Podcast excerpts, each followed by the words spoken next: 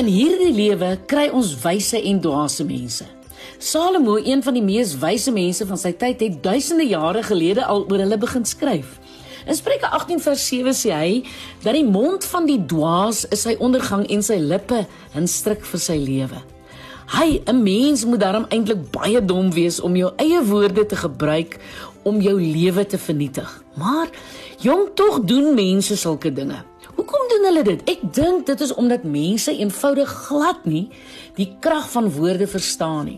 Ons weet dat ons woorde 'n impak het op ander mense, maar ons besef nie altyd die impak van ons woorde op ons eie lewe nie. Nou sê Spreuke 17 vers 20: Wie verkeerd van hart is, vind die goeie nie, en hy wat vals is met sy tong, val in die ongeluk.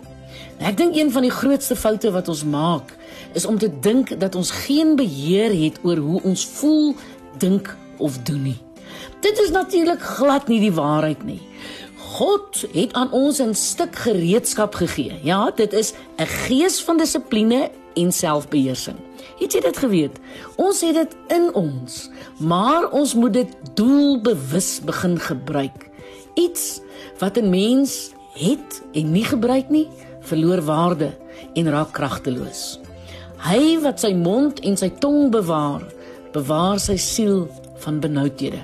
Kom nou, laat ons bewus raak van die krag van ons eie woorde, asook die impak daarvan op ons lewens. Vandag gaan 'n wonderlike dag met baie geleenthede vir my wees en ek is opgewonde daaroor. Ek is Lenet Beer vir Groot FM Inspirasie. Mooi dag vir jou.